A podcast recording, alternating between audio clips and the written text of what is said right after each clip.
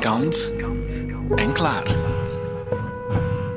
Filosofische podcast. Kant en klaar. Met Greet van Tienen. Welkom bij deze filosofische vertelmachine met deze keer de Brit George Monbiot. I'm George Monbiot. I'm a writer, journalist, activist, professional troublemaker. Professional troublemaker, that's something very important, I think. Yes, it's, it's um, there's a special um, apprenticeship you can do, and uh, you can be a fully fledged professional troublemaker if you um, pass your exams.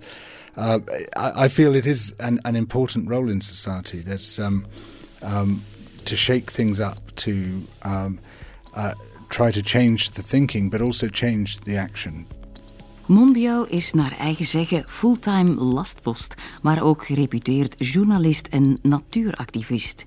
Hij ziet zichzelf als een soort mug die hardnekkig boven de samenleving blijft zoomen en in zijn boeken en columns mogelijke oplossingen voorstelt voor onze zieke wereld, waarin ongelijkheid en milieuproblemen groeien als reuzenkolen in hun veld. Hij maakte een folkalbum met protestsongs over het probleem van de eenzaamheid, schreef in zijn columns in The Guardian openlijk over zijn prostaatkanker, maakte natuurprogramma's voor BBC en is niet te beroerd om voor BBC Newsnight een doodgereden eekhoorn te villen, die te verkappen en bereiden om zo de vleesindustrie aan te klagen. Rather fat old squirrel. A lot of meat in it, but the older they are, the tougher they get. So they do have to be Mind your marinated. fingers, George. Yep. You know, meat comes from animals which have heads, they have tails. They That- have... and, that, and that is indeed why we are showing this, because meat does come from animals, and yet many of us do seem to forget that. Is, is there anything you wouldn't eat? Well, for roadkill, I'll take just about anything except cats and dogs. I better try this. What do you reckon? It's perfectly edible. Mm. Stoofpotje van eekhoorn à la. Een recept is dat uit 2015. Een ander project van hem was een folkalbum met Ewan McLennan, waarvoor hij de teksten schreef. The Age of Loneliness, het tijdperk van de eenzaamheid. Dat album kwam er omdat een van zijn columns voor The Guardian over de verwoestende gevolgen van chronische eenzaamheid een golf van reacties losmaakte. Being chronically lonely is as bad for your physical health as smoking 15 cigarettes a day. And um, I had various publishers ask me to write books about it, and I thought, right, what could be worse than sitting on my bottom for three years writing a book about loneliness? Yes, and that's right. And and reading a book is a lonely activity, or is a, is a solitary activity at any rate. And so I thought I want to do something. And then I had the idea of making an album about it because, of course, music does the opposite. Music brings people together. You can't make it without collaboration, and when you play it, it's something which people share. Woods down here are quiet now. Where once they rang with shouts and laughter. Liever samen erover zingen dan jarenlang in je dode eentje aan een boek over eenzaamheid zitten zwoegen, zegt hij. Die drang tot samenwerking heeft alles te maken met Monbiot's kijk op wat we zijn. Wat is de mens? Dat is meteen ook de laatste van de vier filosofische grondvragen van Immanuel Kant, die Kant zo'n 250 jaar geleden formuleerde en die als brandstof dienen voor deze podcast. Wat kan ik weten? Wat moet ik doen? Wat mag ik hopen? En wat is de mens? George Monbiot vroeg zich af waarom chronische eenzaamheid ons ziek maakt.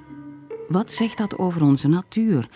Vallen we uit elkaar als er niemand bij ons staat? The question we asked ourselves was why does loneliness hurt us so much? What is it about human nature which um, makes involuntary isolation so painful? And so we did a lot of reading um, of, of uh, current research, and we were absolutely blown away by what we discovered. We do have selfishness and greed and competitiveness in us. Those are by no means our dominant characteristics. That, with the possible exception of the naked mole rat, human beings are the supremely social mammal. And that our dominant values are community mindedness, benevolence towards others, empathy, altruism. Wij worden grootgebracht met het idee dat de mens vooral een zelfzuchtig en competitief wezen is, dat zelf de grootste buit wil binnenhalen. Dat is eigenlijk een soort ideale consument. Maar Monbiot kwam uit bij het tegendeel. Hedendaags onderzoek wijst uit dat onze dominante eigenschappen empathie en altruïsme zijn. Dat is niet zomaar de mens als sociaal dier, zoals we zo dikwijls horen, maar wel de noodzaak van interactie en samenwerking met anderen om mens te kunnen zijn. Being apart for too long, you lose your mind. It, it's an expression we use, and, and it, it is literally true because our, our minds are, are socially conceived, socially constructed. Um, and, and we need other people as we need food and drink. Um, we, we, we, we stick together or we fall apart. And yet, we are surrounded by the propaganda of individualism. Um, it's an, we, we like to look at ourselves as hardened individualists that can do anything, that are strong and don't need too many people, some of course, yeah. but that you can be on your own. Yes, I mean, we have this whole romantic lexicon of it, of um, lone rangers and sole traders and self made men and women.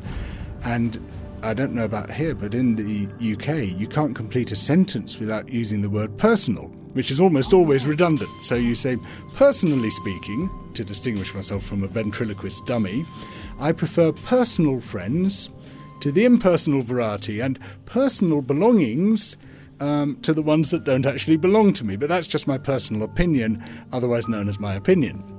Monbiot kan prachtig verontwaardigd zijn over het valse idee van de mens als extreme individualist. De volledig autonome held als ubermensch. Een doctrine is dat die automatisch zorgt voor de scheiding tussen winnaars en verliezers. Want we zijn lang niet allemaal lone rangers of onaantastbare soevereine figuren. Integendeel. Maar we hebben wel geleerd naar ze op te kijken. And so we are a society of altruists governed by psychopaths, by and large. We see them and we say they represent us because they do claim to be our representatives. So we are like them. Exactly, um, but they are in fact highly unrepresentative. We then watch the news, which is all about the bad things that people do. If it bleeds, it leads. And we think, oh, aren't people awful because of what we see people doing on the news? And we completely overlook the daily, hourly acts of kindness that people perform to each other. Net omdat we geloven dat een mens een wolf is voor zijn medemens, zijn we bijna blind voor de vele kleine en grote daden van vriendelijkheid die als een net van boomwortels doorheen het dagelijkse leven geweven zijn. We do amazing things. There is no other animal species anywhere near as altruistic as human beings are. The, the funny thing is that we look down on people who are very altruistic and we call them naive. We think that they're kind of on the losing side. Well, just as, as there's a whole um, romantic lexicon of extreme individualism and atomization, so there is a disparaging lexicon of pro social people, of socially minded people. Um, and this is simply because uh, the um, our language has um, recently been framed around the extreme demands of capital. And um, what capital wants is consumers. And consumers are by nature isolated and competitive. And, and my feeling was, well, we have to change human nature, but that's impossible. Mm. Well, now I realize we don't have to change human nature, we have to reveal human nature. So while I'm pessimistic about what we do, I'm optimistic about what we are. Pessimistisch over wat we doen, maar optimistisch over wie we zijn. Dat is Monbiot's lijfspreuk. Dat gedreven nadenken over wat een mens is of wat een goed leven zou kunnen zijn, kwam voort uit een periode van diepe crisis. Toen hij zoologie studeerde in Oxford, werd hij zozeer overvallen door twijfel over de conservatieve overtuigingen die hij van thuis uit had meegekregen, dat hij in een depressie geraakte. Ideeën als je krijgt wat je verdient of Je status wordt enkel bepaald door hard werken. Die ideeën verloren hun geldigheid totaal en vielen in gruzelementen uit elkaar. In combination with um, a, a sort of profound cultural unease at university, I went to Oxford and um, there was a very competitive culture there. And I thought I was a competitive person, and, and, but trying to join that culture actually found that I wasn't at all and that I hated it. And, and it revolted me after a while. And so I sort of thought, well, who am I? I don't have the beliefs I had. Um, everything I thought was true seems to be untrue. And I'm not the person I thought I was. And I had a sort of mental breakdown. Um, I, I withdrew in the second year at university um, pretty well from all university life. And, and I uh, went into depression. Um, I um, was very seriously troubled and disturbed in my mind. Well, like 2021? Yes, yes, 2021. That's exactly what I was. And, um, and so I thought, well, um, how am I going to get myself out of this? And from that moment on, I thought my quest in life is to work out what the good life is and how I can be true to the conception of the good life. Toen hij zich afvroeg hoe hij uit die pijnlijke toestand van verscheurdheid zou kunnen geraken, ging hij uitzoeken wat het goede leven zou kunnen zijn voor hem en hoe hij daar trouw aan zou kunnen blijven. Het werd zijn levensopdracht, die hem nu nog altijd aanvuurt. I was an idiot in so many ways, as, as a lot of young men of that type are. But the, the one um, useful characteristic I had was a capacity for self correction. I, I quite deliberately, and to begin with, intellectually, almost unemotionally, thought I've got to just work this out, to work out what works for me, what works for the people around me, what works for the living planet that I love so much, uh, what would work for humanity, what what in the in then the twentieth and now the twenty first century does a good life look like, and and that remains my quest. I still haven't got all the answers, but I feel I'm groping towards some of them. What I had told myself before I was diagnosed with cancer, um, but just as general life principles, was that there were three rules for getting through life. Um, the first one is always consider how much worse things could be rather than how much better. The second is change what you can change, accept what you can't. And the third one is don't let fear rule your life. George Monbiot had voor zichzelf drie levensregels uitgeschreven. Bedenk altijd hoeveel erger de dingen zouden kunnen zijn en zit niet te dubben over wat er beter zou moeten. Verander wat kan en aanvaard wat je niet kan veranderen. En ten derde, laat je leven nooit beheersen door angst. Die regels waren al lang zijn mantra toen hij enkele jaren geleden de diagnose van prostaatkanker te horen kreeg. When I was diagnosed with prostate cancer, um, uh, suddenly these were going to be put to the test. And so, again, I quite deliberately stood back and said, How am I going to ensure that I use these three principles to make sure that if they do work, they're going to work as well as possible? And so every day I would uh, force myself to recite those principles in my mind. Yes, and to ask myself, how do I put these into practice today? How do I ensure, for instance, that fear does not rule my life? In die moeilijke periode reciteerde hij elke dag zijn drie levensregels en probeerde in te schatten of ze hem ook effectief vooruit hielpen. And I developed what I call the shitstorm score. um, which goes from one to ten. Oh, really? Um, And uh, or zero to ten. At zero, life is perfectly fine. Ten is the worst possible thing that could ever happen to you, which probably would involve your children rather than yourself, because that's kind of a lot worse than involving yourself. And so I said to myself, right, where do I place myself on the shitstorm scale? What what does the shitometer say? And it says, well, two. I was a two. because I had prostate cancer, which was um, highly likely to be operable. It had been caught in an early stage. It was going to be a nasty operation with quite a few likely side effects, some of which could be long lasting, but it seemed as if it was confined to the prostate, that it hadn't spread elsewhere in my body. It was highly likely, or pretty likely, that I was going to survive it, um, and that I was young enough and fit enough, and otherwise a good state of health, probably to get over most of the complications fairly well. So I thought, okay, by comparison to what it could have been or what other people have to face, it doesn't go beyond two. And that was immensely comforting. I looked at that scale and thought, I'm not suffering bad luck, I'm suffering good luck here. Monbiot had een shitometer uitgedacht, waarop hij zijn score kon aanduiden van geluk of ongeluk.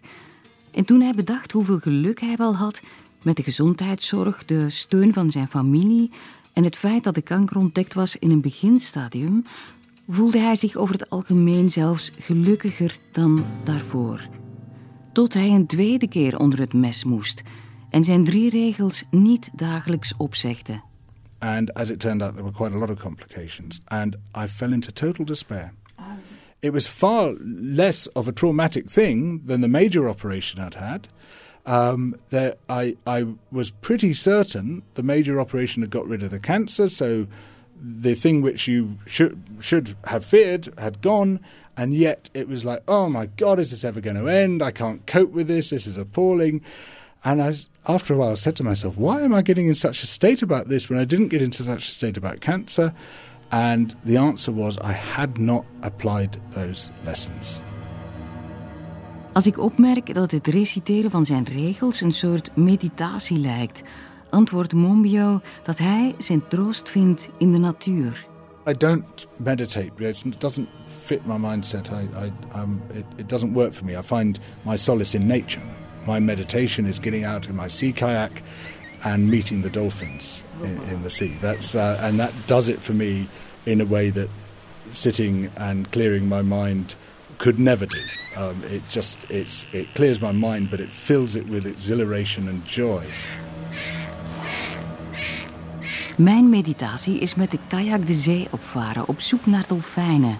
Ik weet dat ik moet uitkijken naar hoogcirkelende Jan van Genten. Dat is een teken dat ze boven een groepje dolfijnen vliegen die diep in zee vis gevonden hebben.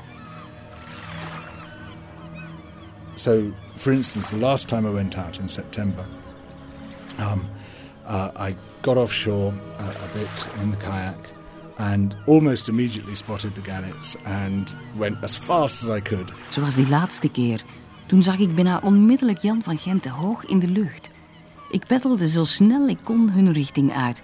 Paddling off towards them, and um, and they were moving quite fast, so I had to, to, to follow for quite a way. And sure enough, as soon as I was there, there was a family of dolphins um, a, a, a mother, a father, and a baby dolphin.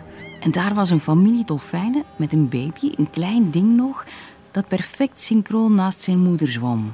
Magisch. Swimming in perfect synchrony with its mother, arcing out of the water, almost stuck to her side. It was almost magical. Ze cirkelden om me heen. And they circled around me and put their heads out of the water, came to see me. Er zijn al dolfijnen over de boot of over mijn hoofd gesprongen en onder de peddel gedoken. They, they, they're really interested in kayaks. They, they think they're a toy, really. They like to play with them. And, and uh, it's every time, it's just a a, a, magical experience. It's like stepping into another world. You realize you're in the presence of very intelligent creatures, but who think in a very different way to you.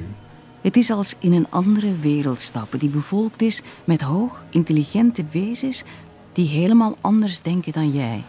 Maar ze maken contact en soms kijken we zelfs in elkaars ogen. And you just look into each other's eyes and it's the most extraordinary experience. And and you know this was September. This was two months ago, nearly, and I still feel exhilarated from it. It's still inside me.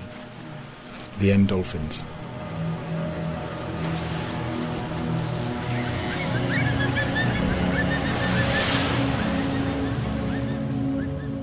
Dit was de tweede aflevering van deze reeks van Kant en Klaar, waarin George Monbiot ons oproept te handelen naar onze empathische natuur. Monbiot vindt dat er niet genoeg lastpakken kunnen zijn die hun stem laten horen. Hoe ver die stem draagt, heeft niet zoveel belang als je je maar moeit met de gang der dingen samen met anderen, hoe klein dan ook.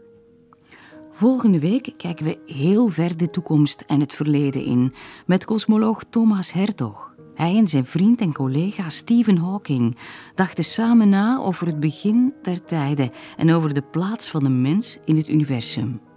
Zullen we onszelf nog herkennen in de toekomst? Benieuwd waar we zullen uitkomen. Heel graag tot dan. U luisterde naar Kant en Klaar. Een productie van Clara. Kant en Klaar. U kunt alle afleveringen herbeluisteren via clara.be of via een abonnement op de podcast. Reageren kan via kant.clara.be.